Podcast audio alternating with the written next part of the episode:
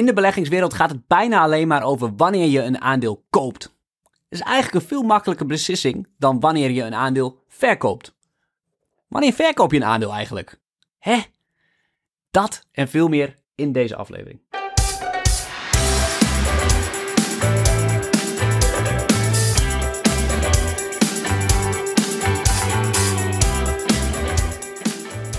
Ja, leuk dat je luistert. Mijn naam is Barbara. En ik ben Rowan. En wij nodigen je van harte uit om mee te doen aan onze quiz. Onze quiz over beleggen. Op vrijdagavond 10 december om 8 uur. Je kunt helemaal gratis meedoen. Zelf weten of je dat met een team thuis op de bank gaat zitten of dat je lekker in je eentje meedoet. Kan gewoon online meedoen met je mobiele telefoon. Volgens mij gaan we Kahoot gebruiken voor degene die dat kent. Ja. En het is gewoon bedoeld ter entertainment en vermaak. Dat vinden we zelf ook leuk. Dus nodig vooral iedereen uit die dat misschien ook leuk vindt. En dan maken we er een soort leuke quizavond van. Nou, ook wel een beetje kennis hoor. Niet, niet alleen maar leuk. Wel mo- mooie Ja? beleggingsvragen. Moet je dan heel veel weten van beleggen om mee te doen? Nou ja, je moet een beetje in die industrie zitten. En er zitten gewoon wat, wat weetjes in. En je, je kan dat natuurlijk niet snel opzoeken, want daar hebben, daar hebben we aan gedacht in het systeem. Maar wie is bijvoorbeeld de vrouwelijke tegenspeelster van Leonardo DiCaprio in de Wolf of Wall Street? Wat is haar echte naam? Geef jij nou een vraag weg? Dat, die zit erin. Dus onze podcastluisteraars hebben nu voordeel tijdens deze pubquiz. Tuurlijk. Ga je het antwoord ook geven? Dit zijn onze meest loyale fans. Nee, ik, denk dat de, dat, ik denk dat de meeste mannen dit weten. Oké, oh, mannen, mannen weten dit. Oké, ja, ik heb geen idee. Maar ik zie haar gezicht wel voor me, maar ik heb geen idee. Nee. Speelt ook in de Big Short. Ander, Ja, nummer twee nee, qua... qua Ja. oké. Ook een fantastisch Ga je dat ook Staat vragen? Wie is de hoofdrolspeelster in de Big Short? nou, heb je al twee vragen. Daar zit ze in zo'n bad. Dat is zo'n hele herkenbare scène. Dat, dat kent iedereen. Nou, lieve podcastluisteraar, als ik het zo hoor, komt deze vraag ook geheid terug. Dus heb je de Big Short nog niet gekeken? Of word je er nu vrolijk aan herinnerd hoe mooi deze scène eigenlijk is? Typ hem dan vooral even in op YouTube. dan gaan wij nu verder met deze Ja. podcast. Lijkt me beter. Ja, rowanijboel.nl slash quiz. Ik weet niet of je dat gezegd maar Nee, staat ook in de show notes. Ja, dan kan je gewoon gratis aanmelden, gratis meedoen. En dan kijken we er naar uit dat je erbij bent. En hele leuke prijzen. Oh ja? Ja, Moeten we die ook noemen? ja kan. Ja, ja, ja. Eh, beste beleggersboek van dit jaar. Eh, twee tickets voor de eerstvolgende aandeelhoudersdag. Na corona als het weer kan. En een jaar lang gratis portefeuille. En dat krijgt één iemand of dit verdelen we deze prijzen? Dit eh, verdelen we. Oké, dat is een Tuurlijk. soort van de eerste, tweede en derde plek. Ja, natuurlijk. Het is dan net Sinterklaas geweest. Het moet een beetje genereus zijn. Ja, einde van het jaar met kerst en zo worden Ja. we vrijgevig van. Ja, gooi een beetje competitie erin. Ja, we moeten wel ergens voor doen. Anders Ja, dan eh, gaat iemand tuurlijk, gewoon op tuurlijk. alle knopjes zitten drukken. Ja. Dat is niet de bedoeling. Oké, hartstikke leuk. Ehm gaaf als je erbij bent. We gaan beginnen met Heel deze gaaf. podcast. Ja. Want het gaat over wanneer verkoop je nou een aandeel? En eigenlijk voel ik deze podcast heel persoonlijk heel pijnlijk. Want ik zit met eentje flink in mijn maag in mijn portefeuille die echt dikke rode cijfers laat zien. Daar zullen we zo op komen. Maar we hebben ook gemerkt dat het ontzettend leeft onder eh, ja, onze volgers. Ja. Want jij gaf vorige week een Q&A in Roans portefeuille, onze nieuwe dienst, waar je Roans portefeuille kan volgen. Ehm, en daarin vroeg iemand ook, ja, Roan, je hebt net een aandeel verkocht, neem ons alsjeblieft mee in waarom je hebt verkocht en hoe je tot die beslissing komt. Ja. En ik vind dat een hele terechte vraag, want ik vind dat er ontzettend aandacht, veel aandacht wordt besteed aan hoe analyseer je een aandeel, hoe ga je over tot aankoop. Maar misschien wel net zo moeilijk is het stukje verkoop. Wanneer verkoop je nou? Hoe pak je dat aan? Waar wil je om denken? Hoe maak je die beslissing? En er wordt eigenlijk bijna geen aandacht aan besteed. Ja, klopt. Kopen is veel makkelijker. In zekere zin wel. Dan heb je ook nog geen, geen traumatische ervaringen van dikke rode cijfers. Ja, ja. ik, ik, ik snap het. Eh, het kan natuurlijk ook spelen als een aandeel heel erg is gestegen. Of je dan misschien moet verkopen en cashen. Dus dat, heb je dat- dat soort toevallig dingen- eentje in portefeuille die heel erg is gestegen de afgelopen tijd? Oké, oké, we gaan verder. Oké. We gaan verder. Ja, ehm, het is goed om te weten. We hebben al een aflevering gehad. eh, wat als een aandeel in portefeuille fors daalt. Aflevering 97. Die ging eigenlijk in op, op de basis van wat doe je als een aandeel dus fors daalt. In deze podcast is het denk ik goed om vijf concrete tips mee te geven. Waar iemand ook echt wat aan heeft. Wanneer je een aandeel verkoopt. Althans, de gewone belegger. Want even op een bepaalde hoogte van abstra- abstractieniveau is verkopen ook heel simpel. Want je verkoopt als de beurskoers de intrinsieke waarde heeft bereikt. Maar ja, de beurskoers is nog wel te meten, maar de intrinsieke waarde, wat is dat? Dat is voor veel mensen abstract. Dat kan je natuurlijk meten, daar ben ik natuurlijk continu over aan het nadenken. Dat, dat is mijn beroep eigenlijk. Maar daar hebben de meeste mensen niet zoveel aan. En er zijn ook heel veel indicaties die wel een reden kunnen zijn om gewoon direct te verkopen. En daar ga je ons nu Ja. in meenemen in deze podcast. Vijf stuks. Ik, eh, als je ons nog niet volgt op Instagram, doe dat dan even. Ik ga een polletje op Instagram zetten en dan ga ik vragen hoeveel mensen bij het bestuderen van losse aandelen daadwerkelijk een intrinsieke waarde berekenen Oké, leuk. voor een aandeel. En Ik ben heel benieuwd. Dan kun je ook een polletje doen van of jij jouw aandeel moet verkopen.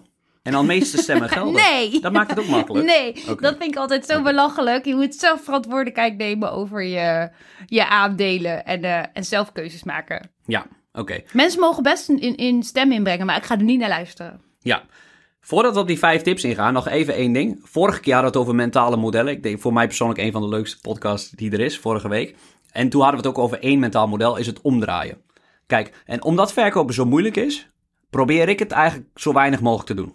Ik wil het voorkomen dat ik een verkoopbeslissing moet nemen. En daarom beleg ik in die compounders, die winnaars van de toekomst, bedrijven die de wereld over 10, 20 jaar domineren, die continu die intrinsieke waarde zien stijgen. Waardoor je niet, of bijna nooit, voor die, ja, voor die verkoopbeslissing komt te staan. Dit is natuurlijk niet waar, want jij doet zo'n drie transacties per jaar. En aangezien je geen honderden aandelen in je portefeuille hebt, verkoop je er dus ook regelmatig wat. Dus ook jij maakt een, ko- een verkoopbeslissing. Waar jij volgens mij op doelt, is dat je nu, zoals ik heb, dat er eentje ontzettend loopt te bleeden in je portefeuille. En dat je daardoor gedwongen wordt om stil te staan bij de verkoopvraag. Eh, ja, ja, ja. Ja, maar je hebt ook eh, een van de vijf is bijvoorbeeld eh, opportuniteitskosten. Je kijkt, wilt continu in je portefeuille kijken van welk rendement verwacht ik bij dit bedrijf de komende jaren. Laten we dan gelijk starten. We, hebben er vijf. We hebben vijf concrete punten die we je mee willen geven. En de eerste is duidelijk opportuniteitskosten. Oké, ja, die had ik als laatste, maar ik benoem hem als eerste. Laten we gewoon bij één beginnen, komen we straks bij opportuniteitskosten. Oké, opportuniteitskosten komt straks. Ja, één is een fout in je analyse. Dus op het moment dat jij dat aandeel hebt gekocht, heb je als het goed is een aantal redenen opgeschreven waarom je het hebt gekocht, wat de hoofdredenen zijn, een aantal risico's opgeschreven. En zijn die redenen die, je toen hebt opgeschreven nog steeds geldig? Of zit daar een fout in? Oké, dus ehm, terug naar mijn tekentafel waar het allemaal begon. Ja, Maar volgens mij moeten we nog delen over welk aandeel het gaat. oké. Wil Ja, je het vertellen? mm, nou, het is het aandeel Wix. Ja, Ja, en eh, bekende naam. die staat min 35 procent. Het is vandaag eh, woensdag, 24 november, half vier. En als ik nu naar de beurskoers kijk, dan staat daar een gak van min 35 procent. Ja, Au, au, au, au, au. dat doet wel aardig pijn, ja. Ja, Ja. ja. En eh, ook op het dieptepunt hebben we de, nemen we deze podcast op, dus ook denk ik leuk om, eh, om dit te bespreken. Het dieptepunt. Hoe weet je nou dat dit het dieptepunt is? Straks gaat dit de afgrond in. Ja, het kan, het kan nog veel gekker. Het kan nog veel gekker, ja. Ja, het kan naar nul. Dat kan altijd. Nou, ik ga nu in een hoekje zitten huilen. Nee, maar eh, wa- wat vind je moeilijk aan de beslissing? Ehm, ja, oké, nou kijk, ik krijg altijd veel informatie van jou. Eh, Ik ben natuurlijk je nummer één eh, leerling, eh, aangezien ik hier bijna elke week sta en beleggingsinformatie naar mijn hoofd krijg. Mm, aan de ene kant dacht ik, je moet niet verkopen, je moet niet veel handelen. Dus je moet gewoon in je belegging geloven, stil blijven zitten en, en wachten. En kijken wat er in de toekomst gebeurt. De dode belegger. Ja, Ja. ja. ik dacht, dat kan ik wel. Ja, Maar met min 35% en geen uitzicht op waar dit naartoe gaat, denk ik toch wel oké. En dan komt de volgende zin in mijn hoofd. En dat is dat jij altijd zegt: ehm, je moet kijken waar je geld het beste rendeert. En dat is niet per se op de plek waar je het verloren bent. klopt. Dus met andere woorden, de beste plek voor mijn geld, ook al neem ik dan mijn verlies, is niet per se nu Wix. Kan beter misschien in iets anders gaan stoppen dat weer goed rendement gaat maken, zodat het geld weer gaat groeien. Wix blijft misschien de komende jaar, twee jaar, vijf jaar wel op dit, deze plek staan. Dat kan. Als het niet erger wordt. Dat kan ook. Ja, dus nu ben ik het totaal kwijt wat ik moet doen of hoe ik hier nou een goede beslissing over neem. Ja, snap ik. Nou, we gaan je handvaten meegeven. En eh, soms algemeen, soms specifiek op dit voorbeeld. Want het eerste punt was dus fout in de analyse. Er is dus blijkbaar, omdat jij twijfelt, is er nu een reden eh, waardoor je huidige argumenten niet meer opgaan? Ja, nou, allereerst wil ik zeggen dat de beurskoers dan mij het gevoel geeft dat ze misschien niet zo sterk zijn als ze leken. Aan de andere kant heeft voor mij het hele metaversum-idee heel erg mijn mm, gedachten geswitcht over een bedrijf als Wix. Dat ik denk, ja, dit gaat misschien wel veel sneller dan we ons kunnen voorstellen. En dan is zo'n speler als Wix misschien wel totaal irrelevant. Want dan krijgen we misschien wel een soort letterlijke Windows.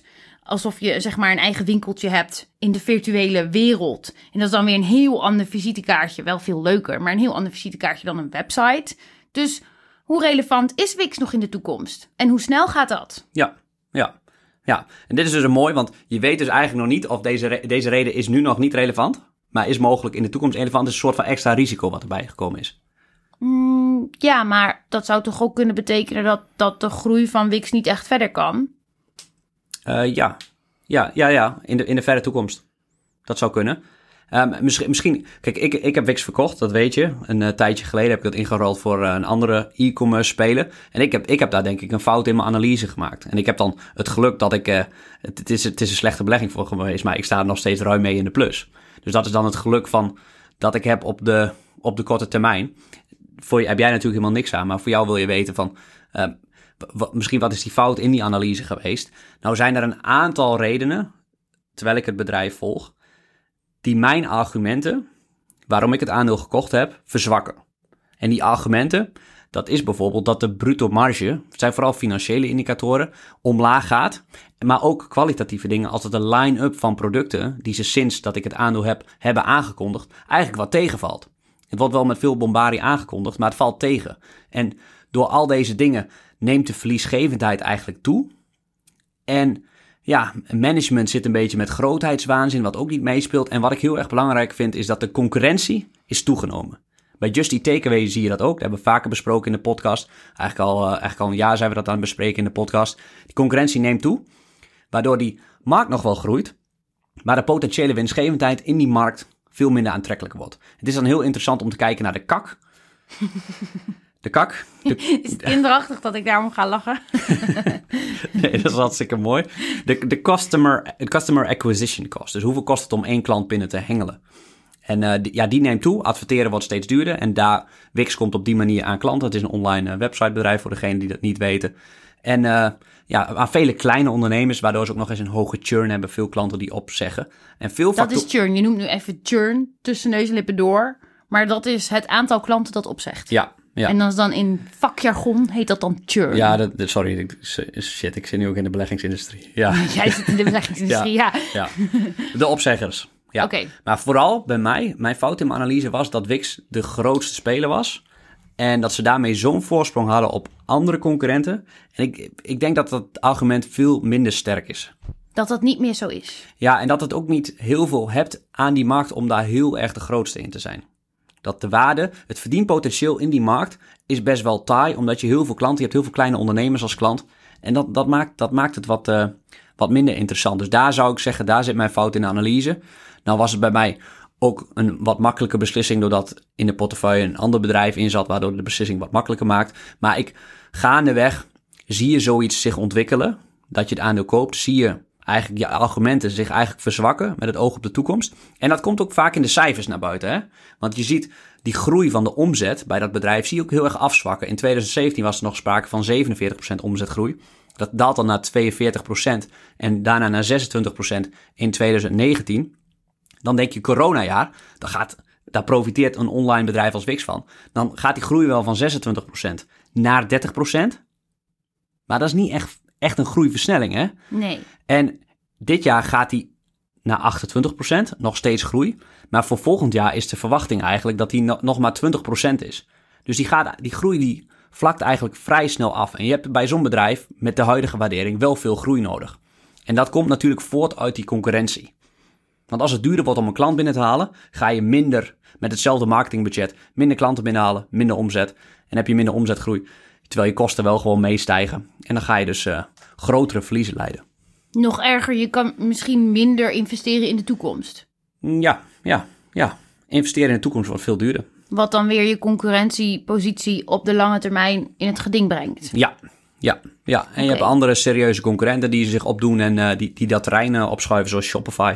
Oké, ik denk dat ik een, een minnetje zet nu bij eh, Wix. Het is een, een, dit is nu een, of eigenlijk moet ik zeggen, dit is nu 1-0 voor verkopen. Oké, wa- waarom? Ja, omdat als jij met je goede analyse en uitgebreid volgen van Wix eh, tot deze conclusie komt. Wie ben ik dan als noob om, om hier tegen in te gaan en te gaan zeggen... dit komt vast allemaal wel goed. Dat zou gewoon dom zijn. Ja, ja maar ik, ge- ik geef geen advies. Eh, wa- Waarom heb je... Nee, ik zei gewoon, er staat nu één puntje voor Oké, voor verkopen. Oké, waarom heb je hem dan niet, als je toch eh, nu naar, dus geef je aan dat je naar mij luistert, waarom heb je hem dan niet verkocht toen ik hem ook verkocht? Ehm, ja. ja, nou dat, dat is dus gewoon foutje in mijn analyse. ja, ja, ja. ja, nee, dat is dom.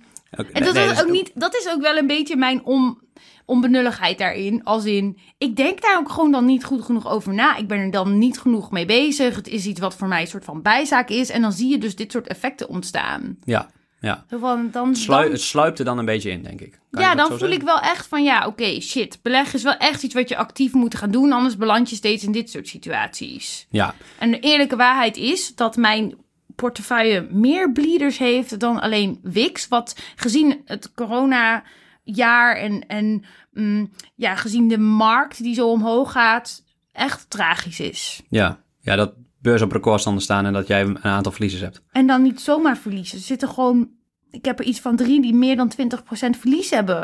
En Ja. dat heb ik er iets van 10 in zitten of zo. Ja, het gaat toch nergens meer over. Ja, en vooral die, die, die snelle groeiers zijn natuurlijk heel hard gedaald. We hadden laatst het eh, multibagger eh, event. Oh, je zit Snap niet bij in, wat ik net noemde. Voor, voor de volgers die Oh ja. echt eh, wekelijks luisteren. Die zit niet eens Snap bij in. Hm. Ja, dus ik kan echt beter gaan index beleggen. Dat is mijn conclusie. Doen. Ja. Ik denk dat voor heel veel mensen het eh, slim is om eh, in ieder geval voor een deel te gaan index beleggen. Kijk, beleggen is natuurlijk een hobby en losse aandelenstikt is, is het mooiste wat er is. Maar als je het ook voor het geld doet en een goed pensioen, zou ik altijd een deel daarnaast gaan index beleggen. Als je bijvoorbeeld beperkt bereid bent tijd erin te steken. Want jij wilt niet de hele dagen daarmee bezig. Eh, nee. Nee. Nee, nee. Podcast is genoeg eigenlijk. nee, oké. zullen we naar eh, punt 2 gaan? Ja.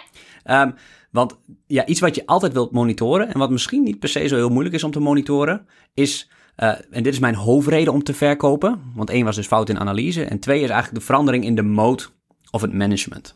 En waarbij die eerste, de mode, het competitieve voordeel, het belangrijkste is. En daar zie je eigenlijk bij deze 1 en 2 in het voorbeeld van Wix wel samengaan. Door de sterkere concurrentie verzwakt eigenlijk je mode. Ja, precies. Ja, Oké. Dus 2-0 voor verkopen. En dan management is denk ik als er iets groots gebeurt in management. Of eh, er, er komt een nieuwe CEO. Of ehm, ze voeren grote veranderingen door. Dan wil je het management in de gaten houden. Ja, en wat ook altijd heel belangrijk is, als een CFO in één keer opstapt, zonder echte redenen. Ja, er wordt altijd een reden gegeven, privéomstandigheden of dat soort zaken. Dat, dat is vaak heel erg zorgelijk, want dan kan er ook echt iets zijn. En dat wil je heel erg in de gaten houden. En wat, ja, heel, heel, heel mooi voorbeeld ook, als, als het management bijvoorbeeld een, in één keer een strategiewijziging gaat doen.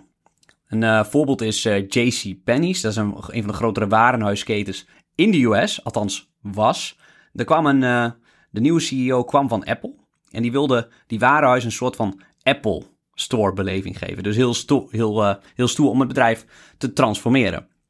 Nou, lijkt misschien een heel leuk idee, maar de kernklanten van JCPenney's, die waren ook gewend aan dat bijvoorbeeld er altijd wel iets met korting was. En hij had in één keer, kortingen, de markdowns doen we niet meer. En ja, daardoor dreef hij eigenlijk daarmee hun kernklanten weg. En dat was eigenlijk het begin van het einde van JCPenney's. En zo zie je heel vaak CEO's die nieuw bij een bedrijf ko- komen, willen een stempel op het bedrijf drukken. Je wil niet komen en zeggen, ah, ga lekker op mijn stoel zitten, ik ga niks veranderen. De tent loopt eigenlijk goed. Nou, maar ook andersom. Als, als een bedrijf op zoek moet naar een CEO, dan willen ze iemand die met een goed verhaal komt. Dus maakt de CEO die zegt: Nou, ik heb er een heel groot idee voor voor de toekomst. We maken er een soort Apple Store beleving van. En het wordt dit en dit. Dat klinkt beter dan een of andere CEO die voor je komt zitten op de stoel en zegt: Nou, volgens mij gaat dit bedrijf hartstikke goed. Ik denk dat we hier en hier aan kunnen tweaken. En dat misschien hier en hier in de markt nog kansen liggen. Dat andere klinkt veel spectaculairder. Ja, ja, ja. mooie verhalen. Dat, dat wil iedereen natuurlijk in de beleggerswereld. Een mooi verhaal over een aandeel op, op tv, over een CEO. Ja, want je kan wel zeggen, ja, de, de CEO doet dat. Maar die CEO wordt door iemand aangenomen. En waarschijnlijk al met dat verhaal. Ja, en die zijn misschien met het charisma de tent, de tent ingeluld. Ja, En, en, eh, maar daar, daar wil je dus als belegger huiverig voor zijn. Ik heb het liefst een CEO die zegt, nou, het gaat goed. We gaan verder met, eh, we gaan wat dingen verbeteren, maar voor de rest gaat het goed. Dat, dat zijn vaak de beste. Puur omdat vanuit het principe ego. bij zo'n CEO. Als, een, sommige CEO's willen zo graag de stempel drukken en kunnen daarmee het bedrijf kapot maken. Dus dat is iets wat je in de gaten wil houden bij wisselingen in het management. Dan lijkt een reorganisatie mij ook een grote alarmbel. Ja, soms wel. Als een nieuwe CEO komt of management gaan bedrijven reorganiseren. Kosten moeten gedrukt worden. Soms is dat misschien zo als een bedrijf echt in crisis is. Maar bij sommige bedrijven zijn continu reorganisaties. En dat, is, ja, dat vind ik weer heel erg schokkend. Waarom wil je altijd een bedrijf reorganiseren? Een goed bedrijf zou dat helemaal niet hoeven aan te kondigen. Die doet intern, die gaat wat dingen herinrichten. En dan hoef je niet ontslagen aan te kondigen en zo. Dus eigenlijk een soort van uh, paniekvoetbal vind ik dat altijd. Ja, ja. Kan je ook weer afvragen wat dat voor je cultuur doet. Maar dat zijn allemaal wel weer, gaan we de diepte in. Ja, maar dan ga, als CEO wil je naar aandeelhouders verkopen. Wow, we gaan een ontslagronde doen. Beurskoers omhoog. CEO blij, aandeelhouders blij. Maar je wil niet weten wat voor impact je daarmee op de cultuur van het bedrijf hebt. Dus mooi dat je dat opbrengt. Ja. ja, nu klinkt het heel erg alsof elke belegger graag wil zien dat er ontslagen vallen. Ja, ja nee, liever niet. Ik wil liever niet dat bedrijven herorganiseren. Tenzij het echt niet anders kan. Soms is het gewoon een, tent staat in de brand. Dan is het goed dat een outside CEO komt die dingen even wat anders gaat doen. Ja. Maar dat is bijna nooit zo. En je wil natuurlijk niet een tent die daar komt. Dat, een tent die daar komt? Ja, een tent, een bedrijf, een bedrijf die in zo'n situatie komt door in brand te staan. Oh, die, die wil je eigenlijk weer niet in je beleggingsportefeuille hebben? Nee, want dat is vaak... Uh, Warren Buffett heeft een hele bekende quote... Turnarounds seldom turn. Hm, dat, die, dat die kneusjes zelden er weer bovenop komen. Dus dan vaak komen ze niet meer in de gloriedagen terecht daarna. Ja, ja, en nu in deze tijden blijven ze allemaal leven... door de grote gratis geldshow van de centrale bank en de overheden. Maar anders, en ik hou me hard vast als dat straks minder wordt... gaan al die kneusjesbedrijven gaan, gaan binnen no time failliet. Oké. En dat gaat een uh, groot, daar gaan veel value traps zijn. Heb ik al een keer een aflevering over gehad. Oké, je weet denk ik niet welk nummer. Nee. Laten we verder gaan. Ja, een derde reden is dat, en die, is heel, heel, die kan je heel makkelijk opzoeken, dat het management of bepaalde strategische groot aandeelhouders aandelen verkopen. En het maakt niet uit als het management een klein deel verkoopt, we hebben laatste analyse over Netflix gelanceerd. Als je daar naar een website gaat als Guru Focus bijvoorbeeld, dan zie je continu verkopen. Dat zie je bijna al bij die Amerikaanse techbedrijven. Maar dat is ook gewoon omdat ze hun opties willen cashen. Net zoals Elon Musk nou, dat heb je vast meegekregen. Een deel van zijn aandelen verkocht, heeft op Twitter een poll uh, ja. gedaan. Maar die, ja, die ja, is... daar las ik ook nog wel weer een soort van, nou ja, bijna conspiracy-achtige theorieën over. Maar van dat hij juist nu, door te vragen aan Twitter, wel wetend welk antwoord hij zou krijgen, een soort van vrij spel kreeg, kreeg om iets te doen wat anders heel veel uh, uh, opschudding had veroorzaakt. Ja, ja, het was weer een grote marketingstunt. Ja. En uh, hij heeft weer heel wat volgers wat, hem, wat hem weer ook een voordeel opleverde. Ja, ja. Hij gaat nu 10% verkopen. 30 miljard. Ja, dat is bizar. Dat is bizar. ja, maar, dat, maar ik vind dat het in, ja, sorry. in onze trainingen heb je een mooi voorbeeld zitten. Ja, een voorbeeld wat ik wel eens geef in trainingen is dat de CEO van Shell voor 250.000 euro aan aandelen verkoopt. En dat denk je dan misschien dat is een slecht teken, maar als je dat vergelijkt met zijn jaarsalaris van 10 miljoen, ja, dan is dat een habbekrats. Dan zegt dat niks over dat hij het management niet meer gelooft in het bedrijf. Dus het moet wel significant zijn, zo'n verkooppakket, om eventueel mij aan het twijfelen te brengen om een aandeel te verkopen. Ja, oké, dus je moet niet dat gaan opzoeken en dan zien, oh, hij heeft wat verkocht en dan gelijk denken, oh, het kan zijn dat hij net een nieuw huis koopt of weet ik veel net wat en zijn kind gaat naar uh, Harvard of zo en dan uh, kan je dat, zou je dat kunnen zien. Dus je moet het wel in het juiste perspectief zetten. Precies, alles in perspectief. Oké. Yes. Zo naar de volgende gaan. Het is ook nog naast management groot aandeelhouders. Er kan natuurlijk een hele strategische groot aandeelhouder zijn die verkoopt. Hier was toch recent een voorbeeld van, waardoor je dan een, uh, een dump zou gaan zien op de, op de aandelenmarkt. Ja, er zijn continu uh, bij bedrijven groot aandeelhouders die verkopen. Bij Basic Fit was het volgens mij recent nog de originele private equity partij die Basic Fit toen naar de beurs heeft gebracht, heeft nog een groot belang. En die bouwt langzaam dat belang af. En ja. Af en toe zie je toch ook dat bijvoorbeeld pensioenbedrijven en zo uit bepaalde bedrijven gaan, omdat ze dan reputatieschade hebben of zo. En dan zie je. Ja, misschien bedoel je ABP met Shell. Die, wilde, die willen daaruit in één keer plotseling, omdat uh, ja, Shell niet zo goed voor het milieu schijnt te zijn. En uh, ja, kijk, dat is natuurlijk niet een reden om je aandeel te verkopen. Wel als je natuurlijk dezelfde overwegingen op milieuperspectief hebt van, naast, als ABP. Maar niet omdat dan ABP denkt, wow, Shell is, uh, is niet meer interessant vanuit financieel perspectief. Als zo'n groot aandeelhouder, die het bedrijf door en door kent, die continu met management van het bedrijf zit te lunchen, want dat hebben, daar hebben ze toegang toe. Als die dan in één keer om wat voor reden opstapt, terwijl ze al tien jaar lang aandeelhouder zijn, ja, dan eh, wil je op je hoede zijn. Maar dat gaat wel pijn doen ook in je. Want als je dan ook Shell hebt, dan gaat die beurskoers toch dalen. Want er komt dan in één keer zoveel aanbod vrij dat, dat de prijs gaat zakken. Eh, ja, dat klopt, dat klopt. Maar als die groot aandeelhouder echt verkoopt, omdat hij denkt dat er, eh, er zijn problemen in de tent, ja, dan kun je dat maar, maar beter gewoon, want vaak worden die stukken dan 5 à 10 procent onder de huidige beurskoers geplaatst. En ja, dan zou je misschien dat verlies kunnen nemen. Oké. Maar dan moet je de reden weten natuurlijk waarom die grote aandeelhouder eruit gaat. Maar dat lijkt me logisch. Zullen we naar 4 gaan? Ja. Oké. 4 is een hele simpele. Het sentiment omtrent een aandeel. Als dat extreem positief is, bijvoorbeeld omtrent GameStop, was begin van dit jaar best wel een positief sentiment, eh, kan een reden zijn om te verkopen. Als je het systematisch zou doen, bedrijven die heel erg populair zijn onder beleggers, die verkopen op het moment dat ze populair zijn. En als ze juist heel erg ongeliefd zijn, dan kopen. Dus buy on pessimism, sell on optimism. Dan zul je het ook goed doen op de aandelenmarkt. Ja, en dit is nu weer zo'n mooi zweverig verhaaltje. Maar ik denk dat ik hier knijterhard slachtoffer van ben geworden. Met mijn snapverhaal. Eh, ja, je hebt de verkeerde kant op gedaan. bedoel Nou ja, als in, ik had niet gevoelsmatig het bedrijf gekocht omdat het zo gehyped was. Ik had er zelf een idee en een visie bij. Maar toen steeg het met 40%. En dat was eigenlijk veel, veel te veel. Ja, Dat had ik misschien ook moeten weten. ja, Ja. Maar ja, het is dus best wel lastig om, om dat te zien. ja, ja. Dus het is makkelijk gezegd in de theorie, maar ik ben er duidelijk ingestonken. Dus hoe had ik nou voorkomen dat ik dit in de praktijk zo fout heb gedaan? Nou, je kan bijvoorbeeld het momentum wat meenemen. Hoe de, de wetenschap wijst uit dat aandelen die de afgelopen zes maand goed hebben gepresteerd, de kans is groot dat ze de komende zes maand ook goed doen. Maar daarna niet meer. Ja, maar dan, dan, dat stemt dan weer niet overeen met goed kijken naar de waarde. Naar de Ehm. intrinsieke waarde. Nee, maar je wil wel als belegger naast de waarde, naast het kwantitatieve, ook de psychologie van de markt uitspelen. Oké. Dus, dus heel simpel, als er kwartaalcijfers komen en die, zijn, die worden goed ontvangen door de markt, dan gaat de beurskoers 10% omhoog. En dan de maanden daarna zul je gemiddeld zien dat die blijft stijgen. Dat is niet elke keer zo, heel vaak ook niet, maar gemiddeld doen die aandelen het beter. En andersom, degenen die juist slecht gedaan hebben, krijgen vaak nog een trap na. En zeker bij die extra dalers, zoals een WIX, eh, die, die market cap daalt dan zo dat je ook nog eens kans hebt dat die uit allerlei indexfondsen wordt gezet. Omdat die indexfonds bijvoorbeeld een drempel heeft van dat ze alleen beleggen in bedrijven boven de 10 miljard. Of alleen beleggen in bedrijven in de S&P 500. En als dan WIX eruit gekikt wordt door die daling, ja, dan eh, krijg je een extra trap na. En dat is een soort momentumstrategie waar je slim mee om kan gaan. Oké, dus nu staat het maar 2-1 voor verkopen. Ja, als jij dat zegt. Ja, nou ja, ik voel niet dat. Het zou dus kunnen stellen dat Wix wat tegen, tegenvallende cijfers had, waardoor ze dus ehm, een soort van negatief ontvangen werden, dus negatief sentiment. Mhm. En waardoor ze nu nagetrapt worden. Ja, ja. Bij WIX is het sentiment in ieder geval extreem negatief. Maar hoe weet ik dan nu of dit negatief sentiment is bij Wix, of dat ik er echt uit moet zijn? Ja, jij weet dat niet.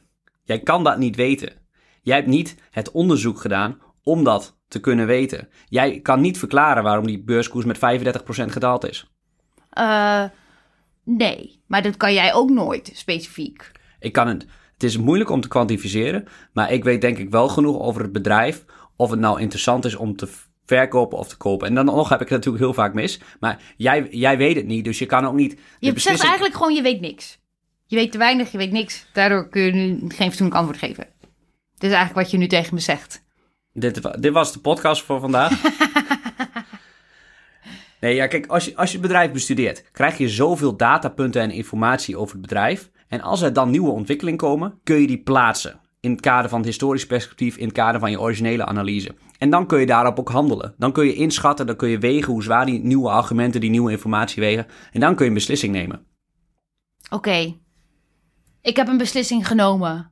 Oh, nou dat is... Maar ik kondig het pas aan na ons laatste punt, opportuniteitskosten. Oh, je neemt...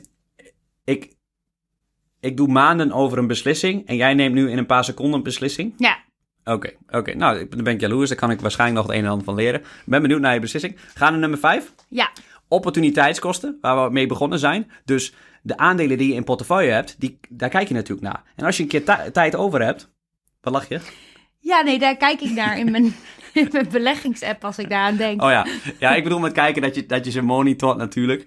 En als je tijd over hebt, ga je ook kijken naar nieuwe aandelen. Misschien zijn die nieuwe aandelen wel betere. Misschien ligt het rendement, de opportuniteit, is bij een nieuw aandeel wel beter. Dus je wil eigenlijk weten, wat gaan je huidige aandelen qua rendement eh, waarschijnlijk behalen in een bepaald scenario? En wat gaan die nieuwe aandelen doen? En als dat dan beter is, met dezelfde risico's, ja, dan eh, wil je een aandeel inwisselen.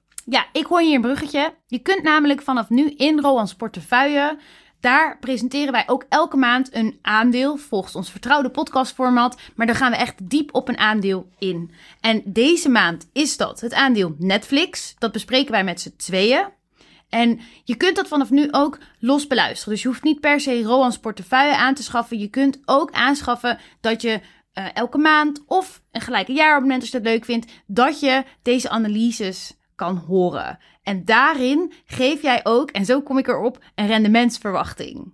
Ah, ja. Ja, en dat is eigenlijk wat ik je door deze podcast heen hoor zeggen. Als jij nou een rendementsverwachting erop kon plakken, voordat je dat kunt, betekent het dat je ook echt het bedrijf goed bestudeerd hebt en weet waar je aan toe bent. En dan, Barbara, had je ook recht van spreken, kon je nu wat zeggen en snapte je ook of deze daling van Wix terecht is of niet. Ja, Toch? ja. Dus ik, Ik, wou durf brug- het, ik durf het niet te zeggen. Heb jij soms een duimpje op je hoofd? Ja, ja, ja. ja. Eh, ja, nee, dus eh, ik, ik voelde even het bruggetje. Als je dat leuk vindt om, om te horen, dan gaan we dus echt, echt nog veel meer de diepte in. Kijk dan even op onze website. Weet jij de URL zo uit je hoofd? Van Rowan Spotify. Rowan analyseert. rowanheibel.nl slash Rowan analyseert. Zo origineel. Ja, Ja, dus dan kan je dat eh, luisteren hoe we echt de diepte ingaan. Nou ja, vooral Rowan en ik stel dus de vragen. Oké, opportuniteitskosten. Wil je er nog iets over zeggen of was dit... eh, nee, dit, dit was hem. Dit was hem. Misschien nog wel een foute reden om te verkopen. Dat wil ik heel graag horen, maar ik vind, ik zei punt 5 en daarna vertel ik wat mijn beslissing is. Oké, sorry. Ik heb namelijk overwogen dat ik de opportuniteitskosten serieus neem. En dat ik gewoon moet concluderen dat ik Wix ga verkopen. Dit is geen advies, wij geven nooit advies. En ik weet al helemaal niet wat ik doe. Ik ga Wix verkopen en dan ga ik dat in een ETF stoppen. Dat lijkt me voor iedereen het beste. En nog een specifieke sector ETF of eh, wereldwijd gespreide? Ehm, ik denk dat ik ervoor in dit geval voor een wereldwijd gespreide ga. Ik wil best openheid geven. Ik zat al in eentje van gaming, die heeft het heel goed gedaan. Maar ik ben ook daar weer bang voor sentiment geworden inmiddels. Dus dat vind ik dan misschien toch niet helemaal goed genoeg gespreid om daar meer geld in te stoppen. Ik heb ook een ETF in de iShares Nasdaq. Dat vond ik, dat, ja, dat lag voor mij gewoon helemaal in lijn met corona. Dus ik dacht, dat gaat vast heel goed. Dat is ook heel goed gegaan, want die staat volgens mij plus 45% Dat heb ik dus met geen enkele belegging gehaald. Ehm, maar dat is dan wel weer heel Amerikaans op die techsector gericht. Dus ik denk dat de volgende stap voor echt goede spreiding gewoon is om netjes een wereldgespreide, wereldwijd gespreide ETF aan te schaffen. Is goed. En het is geen advies voor niemand. Het is gewoon mijn mening over wat ik als volgende stap ga doen. Bedankt voor de tip. Ja, nee, en, en wat vind jij daarvan? Van mijn beslissing? Nou, ik vind dat je heel snel beslissingen neemt. Je doet net of, het, eh, of je een kledingstuk koopt en verkoopt. Zo makkelijk gaat dat. Het is gewoon heel moeilijk. En dan denk ik, oké, dan is het gewoon makkelijk om een knoop door te hakken. Ja, ja. Ja, dat snap ik. Dan ga je shortcuts nemen. Snap ik. Snap ik. Zo werkt ons brein. Maar Ja, er is niks mis mee. ja, maar ook een volgende beslissing die ik ga maken, dat leidt ge- gerust weer tot zo'n bleeder. Want ik weet, je hebt gewoon gelijk. Ik weet het gewoon niet. Ja. Dus ik heb nu eigenhandig ondervonden waarom je of echt moet kiezen om tijd te steken in beleggen en die losse aandelen te bestuderen en dan echt te snappen wat je doet. Ja, Of het gewoon niet doen. ja. Ja, daar hebben we een paar weken geleden een aflevering over gehad. Van eh, je eigen spel spelen. Ja. Bij jou pas, dat ga je nu meer, dat heb je eigenlijk ontdekt de afgelopen half jaar. Nou ja, of eigenlijk juist iedereen spel spelen. Ja, ja, ja. Die Ja, veel beter is dan voor mij. ja. En je gaat, maar je gaat nog steeds losse aandelen doen. Om gewoon eh, feeling met de markt te houden. Feeling met nieuwe technologieën. Ja, dat, dat vind ik wel leuk. Maar dan, daar zal dan niet de meerderheid van mijn geld in gaan. Oké. Nou, dat was weer genoeg over mij en mijn beslissingen. Je had het over foute redenen om te verkopen. Ja, één reden eigenlijk. Die ik als meest voorbij zie komen in, eh, in, in de gesprekken die ik voer met beleggers, is een stijging van de beurskoers. Dus de beurskoers stijgt en daarom verkopen. Maar als die jouw intrinsieke waarde raakt na een stijging van de beurskoers, dan moet je toch ook verkopen? Dan, dan mogelijk wel, in theorie. Maar als die intrinsieke waarde maar blijft oplopen. Stel je voor dat de beurskoers is intrinsieke waarde. 100 om 100. En de intrinsieke waarde die stijgt elk jaar met 15%. Nou, als die beurskoers hoeft dan alleen maar te volgen, dan ga je ook elk jaar 15%. Ja, maar dan komt de volgende leuke kwestie. En dat is de, de waarde, de intrinsieke waarde is met 15% gestegen, maar de beurskoers met 20. Ja, dan krijg je een overwaardering. Ja, maar je zou kunnen accepteren dat je dan misschien het jaar erop maar een 10% rendement krijgt. En die schommeling in. Kijk, want anders ga je het perfect proberen te timen. En dat is weer niet te doen, dat weten we allemaal. Oké, oké, misschien was het voorbeeld te mild. Wat dan als daar in één keer 40% tegenover staat?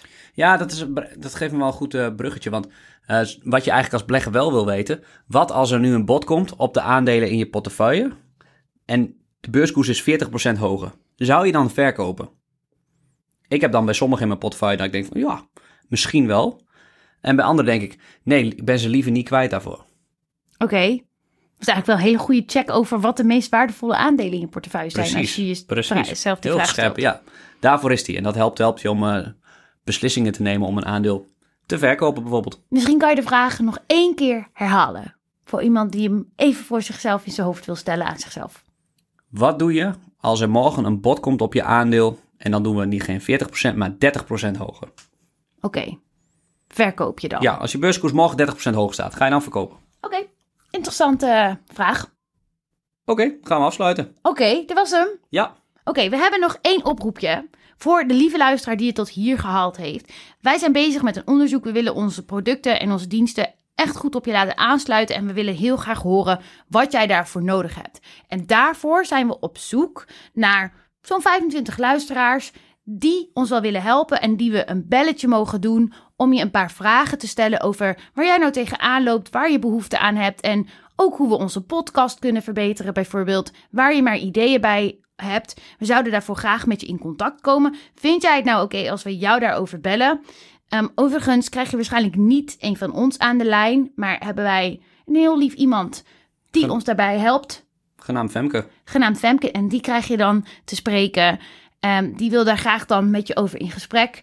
En ehm, nou, wil je daar wel mee helpen, dan wil je dan een mailtje sturen naar info.roannijboer.nl. En dan zou ze je graag spreken. Mooi. Gooi je nog vergoeding tegenaan voor de moeite?